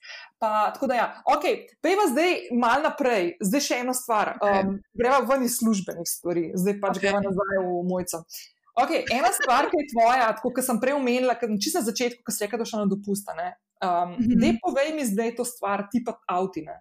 Ti ja. si tako ful, ful navdušen, kot avtomobilistična. Ja. Odkje je to prišlo? No? Odkje je ta hitrost? Od Jureta, od mojega, mojega moža. To jaz prej nisem bila tako nič. Edino, kar sem vedela, je to, ko sem še bila najstnica. Ful so mi bili Lamborghini všeč. Pač, ne vem, edži so bili, ful so mi, dober zvok so imeli, to, ampak to je bilo to. Zmeri me je pa vseeno pač. Tako bom rekla, uh, sem pa bolj inženirski tip človeka, tako da mogoče v meni je bila neka taka rečemo, iskrica. No. Uh, potem pa sva se z Juretom spoznala nekje devet let nazaj in je, on, on je pa čisti avtomobilski frik, čisti navdušenc uh, in je on mene nekako v ta svet potegnil uh, in sva takrat dokaj hiter, um, on je mene pelal recimo reli gledati, uh, pa pač tako hude avte mi je pač predstavil, pa brende, uh, pa zgodbe za njimi in pa sem je začela ta svet kar naenkrat odkrivati in zbrano, o, to je vse full fascinantno konstantno, pa si pa hiter cilj je nekako. Zastavlja, uh, kak avto mogoče želimo imeti, in jo je res v ta svet čist potegnalo. In zdaj je imamo okrog sebe komunity, res tak, tako dobre frende, sva iz tega sveta ven um, spoznala in smo res dobri kolegi. Tako da zdaj pa čist, le, zdaj sem pa čist v tem svetu in vsi dopustite, kar si rekla. Ti so organizirani glede teh nekih izletov, pa da gremo na pisto avto voziti, pa da gremo dirkat, pa jaz vozim avto na pisti in je čist le, čist smo pa, mislim, čist padla noter, avto zdaj sama šraufam doma. Ono, kako se je to zgodilo? Devetih letih nimam pojma. ne, prej, preden smo začeli snemati, ne, uh, si tako rekla, ja, pa gremo na dopust, se gremo voziti. Pa jaz pa sem si mislila, o moj bog, to je meni tako najslabša stvar, ja. možno, da se moram ful dal časa voziti nekam. Te pa ti ja, ne. Ja, mi pa, mi pa si cel, cel dopust organiziramo okoli vožnja, ne? V smislu, da je prvi dan, ja, okoli cest, iščemo pač dobre ceste, lepe ovinke in ono, ok, prvi dan bomo šli v Avstrijo na on prelaz, pol drugi dan skozi Avstrijo v Italijo na on prelaz in mi dva pač res, ono, kakršni koli, ne vem, šla sva, kdaj je bilo to? Mislim, da leto nazaj sva šla na dopust v Barcelono z avtom. Ki so se pač vozila in se vmes ustavljala v Italiji, v Franciji, v Španiji in smo se šla čez prelaze, voditi, čez dolomite, pač cel dopust je organiziran okoli tega. Ej, ful sem se razumel. Vmes se nam je še avto pokvaril, in pa sem jaz našla rešitev, pač sem vedela, kaj je narobe, smo avto šraufala sred ceste, pač to je celo ono doživeti. Če sem se furežala, ker sem se vozila iz Krka nazaj domov um, in sem poslušala enega od mojih najljubših uh, podkastov, Armchair Expert od Dexa mm -hmm. In je gostil v eni od zadnjih uh, epizod, uh, zelo in 228, je gostil Trevisa Pastrano, ne vem, če ga poznaš. Aha, ja, ja, ja, ja, No, ja, poznam, poznam. Profesional, profesionalni, uh, tale, on je pa moto, motobiker. ne. Ja. Uh, v glavnem, in prvič, in, in je full dobro, in sem se tako vozila in sem si mislila, ok, glej, glih, to je tema, ki tako meni le mrak noči. Pa sem rekla, da je mogoče, no, a veš, ker se moram malo dati noter, zdaj nazaj dopusta, pa jutri se z mojco dobim, pa tako, da je mogoče ta mal, ta vožnja, pa te scene. Ej, in je full dobro, bilo, ker je že na začetku tako rekel. Ej, mi imamo ženske poslušalke, 80%, in dej prosim poslušajte to epizodo, ki bo vam ful zanimiva, kljub temu, da je to tema, ki vam je krniki. In dejansko je ja. ful zanimiva tema. Je govoril o strahovih, ja. je govoril o pacih, o sponih, o vse žive stvari in sem rekel tako, no, evo, lej, the best. Ja, pa tako se mi zdi tudi, kar se tiče motošporta, se mi zdi, da je vs- taki stereotipi so, da mogoče. Tako bom rekla, uh, večina, tudi bom rekla, ti, tipov, recimo, ki sem jih jaz spoznala, imajo ta stereotip, oh, ta motošport ni za ženske in oni niti ne znajo tega na zanimiv način predstaviti. Jure je čist drugačen. Jure je pa zmeri, mislim, on, on ve pač, česa so ženske sposobne, ve, da mislim, te, ti stereotipi, stereotipi so mu čist neznani. In on, ki smo mi dva pač začela hoditi, je on rekel, gledaj. Jaz ti bom pač ta svet predstavil, pa mi je mal pokazal avto, pa razkazal motor, pa mi razlaga, zmeri, ki greva v kakršne koli avtomobilistične muzeje, mi kaže na motorjih, leto je to, to tako delo opravlja. In bom rekla, ko ti nekdo, ko se znebiš teh stereotipov in ko ti nekdo stvar na, tako, na, eh, mislim, eh, na tak način to stvar predstavi, je kar naenkrat ful zanimivo. In bom Mhm. rekla, vedno več se mi zdi, da je tudi žensk, ki jih privlači motošport. Jaz recimo. Uh, uh, Jure je, tak, Jure je bolj za te uh, hitrostne dirke, mene driftanje ful um, privlači. Je šla sorry? tudi- Driftanje je tisto, veš, ko tako uh, slajdaš z avtom, ki pač ono ti rit odnese, pa tako gume O moj kuriš, pa to. a ne. Si In Jaz sem, dejansko, jaz, sem bila, jaz sem bila na tečaju driftanja in je full dober. In je fora, da recimo, ko enkrat padeš v ta svet, vidiš, da ni. Da, da je tu zelo veliko tehnično, to ni tisto, uh, kar ljudje tudi mislijo. Ja, to je samo norenje, to je nevarnost, to je nevarna vožnja. Ne, gledaj, to je uh, driftanje, je full tehnično, uh, vožnja hitra je tehnična, popisti. a ne. Uh, Tako da ne vem, mene čist, pač ta svet me je čist potegnilo in zdaj ne vem, cel naj svet se okrog tega vrti, ima svoj vlog, ki ga snemamo, uh, pač ki kaževa svoje izlete, kako šraufava avto, kako se nama kaj pokvari. Tak, ne vem, ful dobro. Ne, the best, full the best. Ej, dej, uh, čakaj, sprav zdaj Lamborghini te je na začetku furu, ne? Zdaj, ki je, Ja. to, ko boš rekla, ok, ful bom pa caric, ali pa ne vem, ne vem, želim si v življenju, da bi imela, kjer, kjer je tvoj sanski avto? Uf, težko vprašanje. Aha. Uh, mi dva sva zdaj tega rekla. Mi dva sva, Lamborghini je še. Lamborghini je moj sanski avto, ampak zgolj zaradi um, oblike. Recimo Lamborghini Countach je vintage Lamborghini, iz, uh, ta, take ima zelo um, uh, kvadrat, kvadratne oblike, ful take, e, tak edgy je. In meni je to Mhm. pač. Tako te reka, želim ga enkrat imeti, svinsko drag, ampak želim ga enkrat imeti. Pa je se grozno vozi, pa je grozen avto za voziti, ampak meni je to kot nek art piece, mi je ful všeč. Ampak uh, po drugi strani smo pa midla, midva dost v tem Porsche svetu uh, in sva res tako za srcem, sva pa pri Porschejih uh, in je to tudi nek tajn center življenja, ti Porscheji. Uh, tako da, kar se pa tiče mogoče Porschejev, pa je tudi en. Um, Ene par avto, ki bi jih mogoče, mogoče rada imela, pa uh, CGP, recimo Porsche CGP, pa take stvari. Pa mogoče kak vintage Porsche, tisti stari, ki so. Uh, to je pa nek cilj naslednji, da si tega kupiva. Boš mogla tako, ker se boš odločila o tem, a veš, kje boste naprej živela, pa toč mogla najprej garaže gledati, ne to najbrž že zdaj. Ne? Tako garaže, koliko je kapaciteta, oziroma koliko se da na zidke, prizidke, obzidke narediti. Tako, to, to, je, to smo imela zdaj, ampak res ni hec. To smo imela zdaj ogromne probleme, ker smo se selila. Ker smo rekla, ok, pač imamo uh, največ avtomobilov, kar smo jih mi dva imela, hkrati je bilo pet. Uh, Takrat, zdaj smo jih ene par prodala, tako da zdaj imamo tri avte. Uh, Mhm. in je res izziv je najti uh, hišo z garažo, ker so vse en, recimo, imamo uh, tega minija starodobnika, uh, ki mora biti, mislim, vse je fajn, da, garaži, da je garažiran, ker pač drugač ga rja napade. napade. Uh, tako da pač smo celo iskanje mogla temu prilagoditi, ono, a je garaža, a je dovolj nad streško, da ne bo dež, da ne bo toča. Izziv je resno. Ampak te sladke skrbi so to. No, zdaj sem te hotel vprašati, kaj življenje te najbolj navdihuje, pa odkje črpaš navdih. In se mi zdi, da si tako že kar malo to povedala, bi še kakšno stvar drugo dodala zraven, razen kaj driftanje. Okay. Driftanje uh, mi je ful, ja, to mi je. To mi je to. Drugač, zdaj sem padla še noter uh, v rastline. Uh, ja. pač, jo, moj bog, to smo zdaj zmašo. Ja, sem ful, ful, ful smo se povezali. Ampak tako bom rekel, vsem se mi zdi, da avti ostajajo uh, nek tak center point. No. No, cool, okay, pa pa tako, na kaj si tako najbolj ponosna v življenju? Tako lahko je osebno, lahko je poslovno, ampak kaj je tisto, kar naprimer, zdaj ti prva stvar pade na pamet? Um, Te bom rekla, prva stvar, ki mi je mogoče res padla na pamet, sploh iz konteksta, ker smo za začetku govorili o tem, je to, da sem pač prišla do točke, kjer imam jaz neke internacionalne stranke, da mi fajn gre, da delam sama za sebe, kljub temu, da študija, to, to sem čisto pozabila omeniti, študija nikoli nisem dokončala, not Aha, that I would recommend it, ne, ampak pač enostavno pri meni nekako ni, ni se izšlo, preveč, preveč lena sem bila. Uh, in da sem sploh pač prišla do te točke, kjer imam uh, stranke iz tujine, kjer uh, mi super gre, uh, in da sem lahko, recimo, res svojo družino pelala v eno lepo restauracijo, da sem jih lahko počasila, da so bili res vsi, vsi veseli, da smo vsi uživali v enem takem trenutku. Um, to, to mogoče. Tako v bistvu, da imaš uh, nenehno, ko se tako ustaviš, občutek, da živiš tisto življenje, ki si si ga želela živeti. Ne?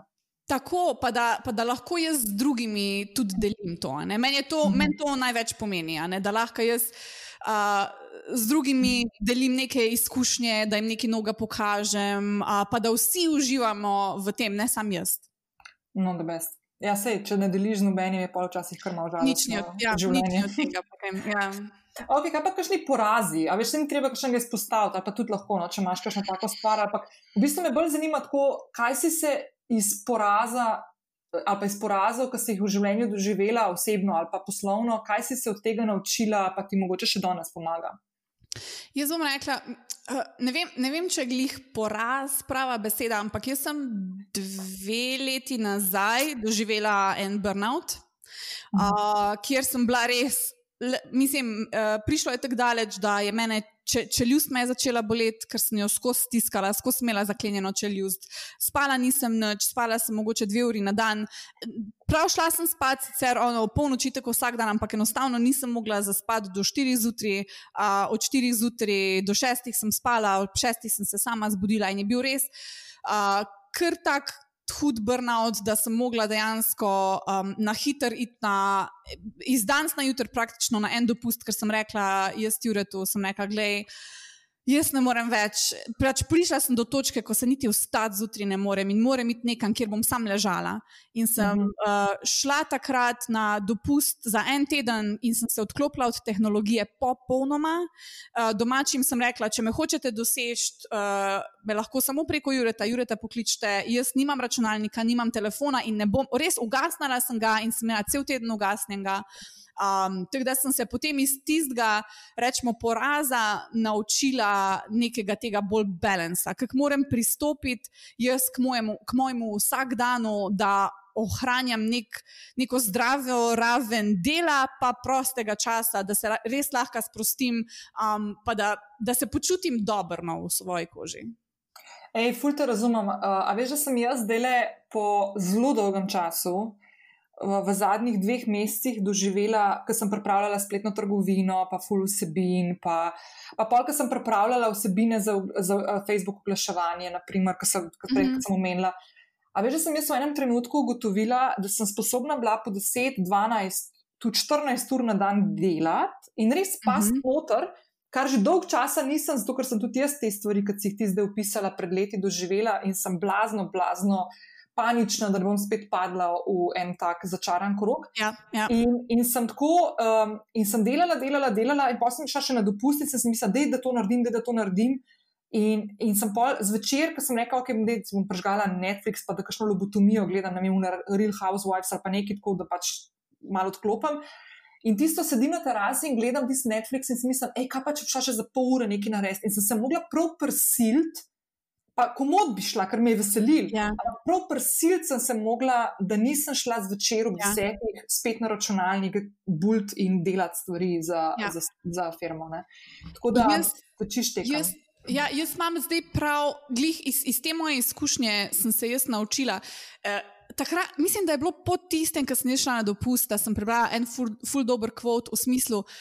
A ni smešno, kako si pač mi nastavimo budilko, kdaj se moramo zjutraj vstati in kdaj moramo iti uh, mi delati, ne nastavimo si pa recimo neke budilke ali pa nekega alarma ali pa reminderja, kdaj ti nehaš delati. Sploh, če delaš recimo od doma, če delaš za sebe, če si samostojni podjetnik. ne.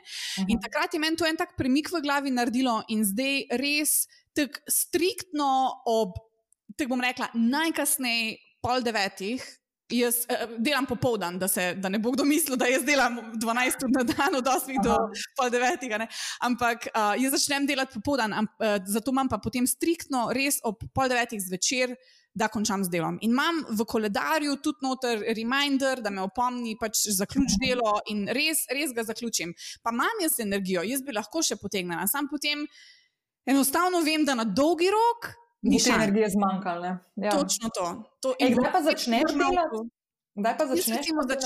Jaz, ja, recimo začnem nekje ob enih dveh. Uh, odvisno, odvisno sicer od mojega urnika, ampak jaz imam, tako se neka, stoprocentno, Ja, saj. vse moje Aha. stranke prihajajo iz Amerike. Uh, tak, takrat, ko se oni recimo zbudijo, pa začnejo oni s svojim delovnim dnem, je nekje okrog enih, dveh, tako da takrat potem tudi jaz začnem. Vse to sem glih zdaj hotela reči, da v bistvu imaš ti tudi zaradi tega, poleg tega, da ti paše ta del dneva delati, imaš tudi super to, da imaš pač to časovno razliko. A imaš večino Tako. strank na vzhodni obali ali imaš kakšnega na zahodni?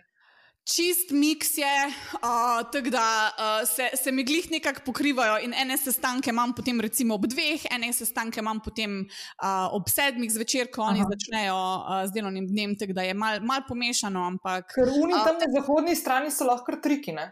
Oni so So, 9 ja, ja. ur za nami, ne? Kako? Ali Ja, ja. devet, no. In glih zaradi tega potem včasih, tako se nekaj včasih potem potegnem, rečemo do pol devete uh, ure zvečera, ne glih Mhm. zaradi tistih na, na vzhodni. Uh, ampak drugač, da, da se, res se da. Največji problem sem edino imela s Kitajsko, ki pa je.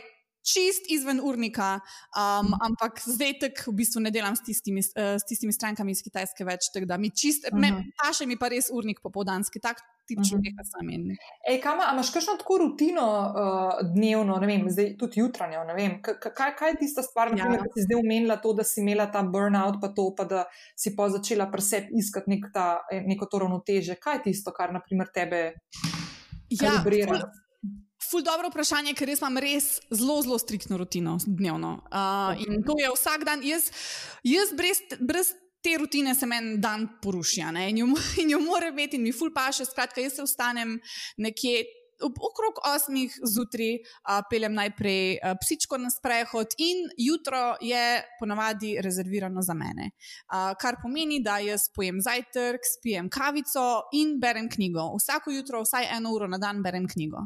Um, potem pa jo grem telovaditi, torej jaz tudi pet dni v tednu uh, telovadim, spodaj sva si uh, v, v spodnjem nastropu sva, sva si z Juretom naredila en tak mini gym z parimi uh, napravcami, parimi utežmi, da lahko res tak soliden trening doma naredima.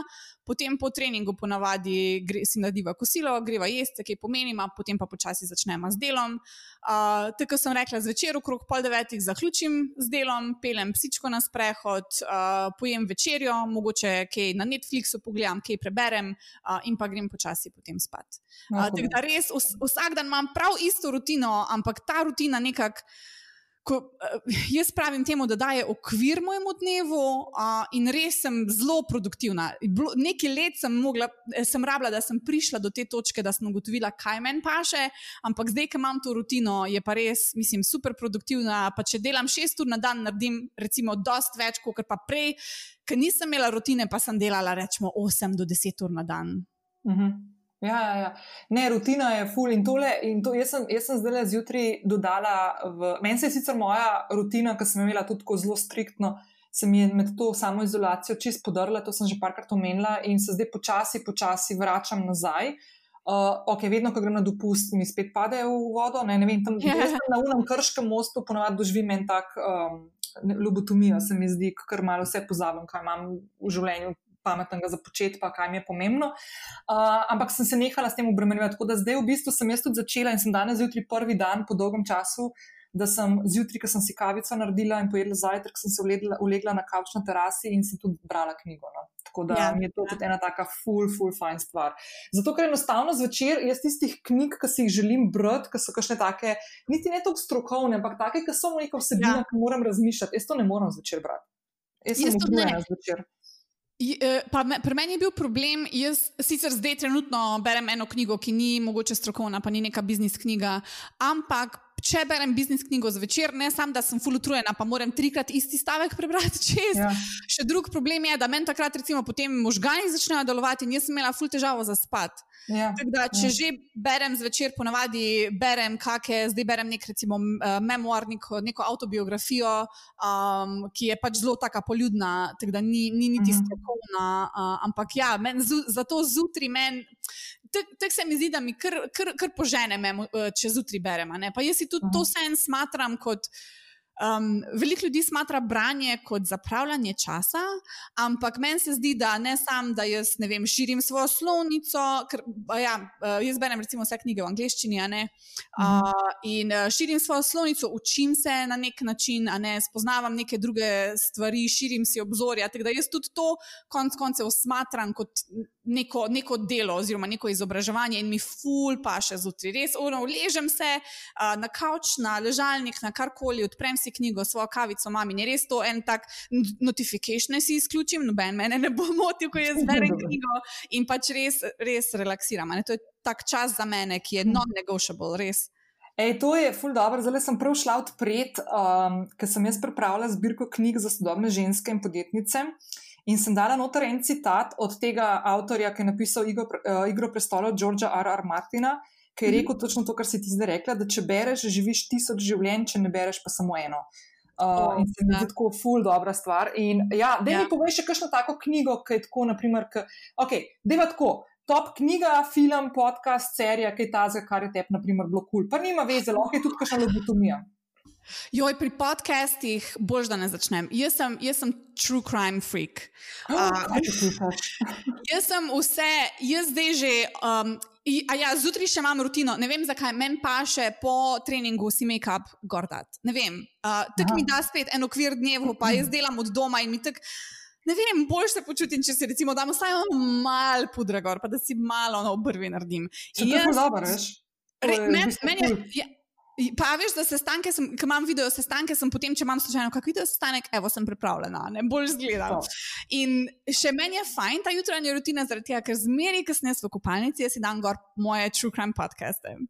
In o oh, moj bog, jaz imam toliko priporočil, jaz sem že dejansko vse preposlušala, Men, jaz, meni je že zmanjkalo teh true crime podcastov. Okay, a si poslušala, ker jaz, jaz sem tudi nadrajvana na to. A si poslušala okay. guru, ki je zdaj zunaj od Wonderja? Ja, zdaj sem že poslušala. Binčala sem, binčala ja, sem. No, evo, bom, bom jaz dala v zapis epizode, ki jo, drage poslušalke in poslušalci, najdete spodaj tlele v descriptionu. Uh, bomo, na, bomo napisali par teh um, stvari, pa tudi mojca bom polinkala, tako da jo boste najdel. Ok, cool, da best. Kaj pa knjiga, pa film, pa tako serija? Uh, film, kaj pa mislim, ne vem, če je bil kak tak, ki bi mi ful vtis naredil. Ne vem, zmeri sem imela rada ono najni mostovi. To je en tak taka klasika, pri meni se zmeri očem. Ti si bani, una scena, mislim, sorry. ja, ono v avtu na koncu. Ja, ono, ja. Prav, prav zmeri srečem, po mojem sem ga gledala že na petkrat. Pa sem rekla, ok, ampak dan se pa ne bom jokala, res, kaže, itak vem, vem, kaj se konča, kje, le vse. Um, kar se pa tiče knjig, pa ja, berem kar dost. Uh, ene par hudih priporočil imam, uh, recimo Essentialism uh, je ena, ja, The Power of Habit. Aha. Je tudi odlična. Uh, pa recimo letos sem prebrala od uh, kolega dejansko uh, knjigo uh, ta Tiny Habits. Um, mi, je, uh, mi, je, mi je res uh, tako vtis pustila, sploh zaradi tega, ker pač. Tako smo se pogovarjali, vse je okrog uh, neke rutine, premen uh, in dejansko ta uh, Tiny Habits mi je pač pomagala, mogoče še bolj um, razviti neko rutino in mogoče prepoznati, kako lahko. Um, ne, ne Tiny Habits, pardon. Kaj je že? Atomic Habits, ne? Atomic Habits, ja, ne Ja, tiny, ja, ja. Tiny, tiny Habits je nekaj drugega. Atomic Habits, uh, ja, od uh, Jamesa. Uh, skratka, mi je pač mogoče pomagalo spoznati um, spet, pač, kako se okrog rutin, okrog nekih navad naše življenje vrti in kako lahko potem s pomočjo teh navad še boljše navade pri sebi postvariš. Tako da je bila res, pa, pa, pa še mogoče ena knjiga. Uh, Ki mi je pa tudi en tak shift letos naredila, pa ti jo je zihar, uh, Miha Rekar priporočil in to je ta, Aha. uh, pa mislim, da si jo celo brala, Why We Sleep. Ni, Um, nisem je še, ampak ja, Miha mi je zihar za to rekel, pa fulejnih knjig mi je poslal, moram reči enkrat čez tiste mesiče. Ja. Uh, pa Nušajo je tudi gnezda, ki sem imela jo tudi že na Ja. podkastu. Tudi, uh, ja, to je knjiga, ki jo je treba. Ja. Uh -huh. Taj, to knjigo je res treba prebrati, uh, ker ti pa celo dojemanje spanca, počitka, vsega, mislim, čist ti spremeni. Res, Mhm. jaz sem kar, jaz sem kar gledala tisto, pa sem rekla, o moj bog, koliko nekih slabih navad imam jaz, prav nisem mogla verjetno. Zdaj sem prav slabe volje mal ratala, zato ker jaz sem Atomic Habits knjigo vzela sabo na dopust, da jo bom brala Mhm. in je nisem. In je nisem, tako da jo me še čaka, da jo ugriznem vanjo malo bolj konkretno, ker sem jo prelistala samo. Sem pa Dobro. več štiro knjigo prebrala, ki pa ful priporočam tudi, uh, pazi za to, tako za zvečerno branje, ki lahko zvečer Ok. bereš. In to je, ker si prej tudi avtobiografijo omenila, uh, Ališa Kis, uh, njena, njena Ok. avtobiografija, ful lepa knjiga. Tako ful, Ok. ful lepa knjiga. O njeni zgodbi, o tem, kako je sebe iskala v tem ponorelem svetu entertainmenta in je tako, jaz sem dobila eno tak, tako novo spoštovanje do nje, res ful dobra knjiga. Ja, No, evo, sem sem stala na pojedla. seznam, imam pa še eno avtobiografijo tu. okay. Je tudi mene fulno navdahnila in to je, eh, spet jaz berem vse v angleščini, tako da ne vem, kak je slovenski naslov. Um, Shoe Dog, ki je zgodba od Nikeja. Aha, okay. Kako so, kak so oni začeli, uh, dejansko ta Phil Knight piše o tem, kako je pač Nike, Nike začel. In recimo, ker Nike mi vsi dojemamo kot neko uspešno podjetniško zgodbo, kaj se so oni uspeli doseči, pa se ti zdi ono, oh, oni so sam pač ono, teniske so naredili in evo, bil je hit. Ah, kje? To je Ne. toliko takih preprek. Za, to je, ki bereš, prav ne moš verjeti, da rečeš, niti jasno, kako so oni sploh lahko danes tako veliki, ker so, ker so mogli toliko dreka pojesti, res, Ja. da je neverjetno. Tako da tudi to priporočam. Ful. Ful dobro. Ej, a si ti poslušala te podcaste Business Wars? Uh, ne, imam pa, na, imam pa na listi. Ja. Okej, to pa sem ker že imaš- nekajkrat slišala. Ja, ker imaš notri tudi to uh, Nike pa Adidas tekmovanje, ki ste Ja. ga imela. Ja, oh, Um, ful dobra fora, tudi pol na koncu proti koncu, kako sta to hip-hop sceno začela noter dajati, ne, ne samo Ja, ja, ja. Pa Kanye West, ki najprej z Nike je delal, pa z Adidasom, pa ta scena, le v glavnem. Oh, hudo, Ful hudo, zanimivo, hudo. ful, ful zanimivo. Tako da jaz iz tle poznam to zgodbo in ja, absolutno. Pa še spet Miha, ne, hej, kaj Miha, veš, ker pogovarjamo, vedno posluša, pa mi kaj pošle, tako, ja, tako da ga zdaj Ja. omenjam. No. Ja, pa Miha mi je tudi za tisto rekel, um, uh, tole, uh, kaj je že, Patagonijo, no. Uh, za Patagonijo, ja. da je tudi dobra knjiga. Tu, tudi meni je rekel, jo imam tudi, jaz imam, mislim, prav seznam, verjetno mi je isti seznam poslal. ja. Imam prav, prav seznam, tako da, uh, tak da imam jaz tudi Patagonijo na, na listi za, mislim, da naslednji mesec. Ker sem si, letos na začetku leta sem si naredila, rekla sem, 12 knjig hočem prebrati, eno knjigo na mesec, I can do it. Uh, in res držim se tega, uh, tako da Patagonijo mislim, da imam za naslednji mesec. Oh, evo, the best. The best. Evo, jaz sem se pa zdaj odločila, da bomo po mojem z Miho tam kakšen tak book club naredili, evo, pa bomo tako imeli. Amen, amen. Ja, ker ima best. ok, the best. Ej, mojca, da poveš, še, kje te lahko poslušalke pa poslušalci najdejo, uh, da te pocukajo za rokav, pa brez skrbi, jaz sem dala vse stvari v zapis epizode, uh, tudi kje jo najdete, linke do delavnic, do e-bookov, pa tega, da boste šli lahko pogledati, pa si kakšno stvar tudi pol uh, izbrali, ki bo vam prišla prav, pa koristila. tako Da, ampak kje te pa tako lahko najdejo, pa pocukajo za rokav? S- Ja, zdaj, če jaz ful priporočam, če vas zanima Facebook oglaševanje, pa če bi se mogoče radi mal uh, izobrazili, kamot na superspicymedia.com, uh, tam najdete res ogromno vsebin. Uh, če nucate kakršno koli osebno pomoč, jaz, jaz ful rada zmeri pomagam pri kakršnem koli vprašanju, uh, tudi če je taktično, mislim, tehnično, glede Facebook oglaševanja, ali pa tudi osebno, uh, sem dosegljiva na mojca af na superspicymedia.com ali pa na Twitterju pod mojca Mars še. Tam Aha, si nisem dekliško- spremenila. Dekliško, Dekliški- uh, ime. Ja. Tako pa tudi na. Instagramu. Ja, pa tudi na Instagramu sem mojca Mars, na Facebooku sem pa mojca Žove. Okay, Kjerkoli, itak sem na vseh teh čeneljih. Uh, tako da, ja, res dobrodošli s kakršnimi koli vprašanji. Uh, res, resno, rada, ful pomagam. Evo, ful dobro. Jaz bom pa še obvestila, ker bomo malo več vedeli o tej tridnevni delavnici, ki jo še z Mašo ja. pripravljamo. Bom mi tako to sporočila. Um, zelo možno je, da bom dala to že v začetek te epizode in si mogoče, draga poslušalka, to že slišala, tako da se ti upravičujem, ampak res so stvari še tako malo v luftu, ker čakamo tudi, kaj se bo zdaj dogajalo v naslednjih tednih. Uh, in enostavno letošnje načrtovanje je tako malo uh, posebno ja. zase. ja, res je. Ampak ja.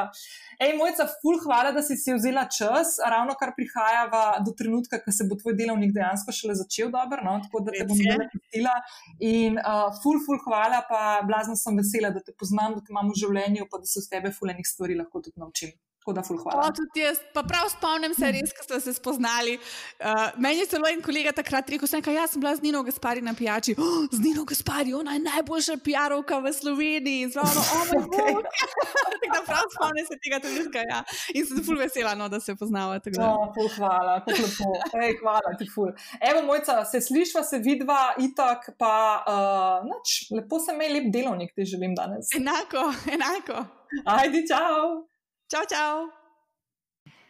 Mojca, hvala za krasen pogovor. Uh, jaz lahko povem še, še enkrat, da poudarim za vse tiste, ki vas zanima Facebook oglaševanje, zato ker ste podjetnice, pa bi, se, pa bi rade ugriznili v to jabolko, pa ne veste, če je dobro, kje začeti. Uh, ali pa delate v kakšnem marketinškem oddelku ali pa manjšem podjetju, pa je to malo padlo tudi na vas. Um, Mojca je res krasna v tem, ful lepo razloži, zelo plastično, um, nobenega tega po domače bulšitanje okrog in nekih teoretičnih stvari, ampak zelo, zelo, zelo tako. Um, bom rekel, direktno, direktno pove stvari, ki funkcionirajo, stvari, ki jih fino paziti, na kakšen način se pripravlja učinkovite in res optimizirane kampanje, da se res, res ciljano gradijo neke tudi oglaševalske zgodbe za vaše izdelke ali pa storitve, in to na način, da so ne samo, da so delovno optimizirane, se pravi, da čim manj časa porabite za čim večji učinek, ampak da so tudi finančno optimizirane. Tako da, mojca, najlepša hvala. Z mojco smo v pogovoru omenili, da se bomo lotili tudi um, ene delavnice skupaj, pa z našo kolegico Mašo, ki jo bom tudi v kratkem gostila na tem podkastu. Uh, spremljate vse tri, mene, Mojco in Ma, uh, Mašo, ki bomo kmalo uh, naznanile tudi uh, kakšno novico o tem. Malo se še odločamo, na kakšen način to zapeljati, da bo čim bolj prijazno za vse tiste, ki vas bo to zanimalo. Uh, živimo pač v času, ko uh, neke načrte za neke dogodke res, res, res uh, zelo nehvaležno postavljati, tako da tukaj se še res malo ukvarjamo tudi s tem, um, s čisto logistiko, bolj kot z neko vsebino, ki jo ima vsaka od nas že postavljeno uh, in ker delujemo na teh področjih, vsaka za sebe. Tako da vse že vemo, kaj bi rade predale in povedale in vključile v te delavnice, ampak enostavno se ukvarjamo zdaj s temi logistikami. Uh, in ko bomo imeli kakšne bolj upremljive in updatene informacije, bomo to tudi sporočile, vse tri prek svojih omrežij. Tako da. Uh, še enkrat hvala, ker si ostala z mano do konca. Uh, veselim se naslednjega tedna, ko bom gostila spet enega moškega sogovornika in se fulj veselim, da ti ga predstavim uh, tudi skozi najmen pogovor, pa sigurno boš zvedela v njemu še kakšno novo stvar. Uh, verjamem, da ga boste veli, velika večina že poznala odprej, ampak bomo zvedeli tudi en kup enih novih stvari o njemu in ko mi čakam, ne bom povedala več, ko me čakam, da se slišimo prihodnji petek. Lepo bodi, adijo!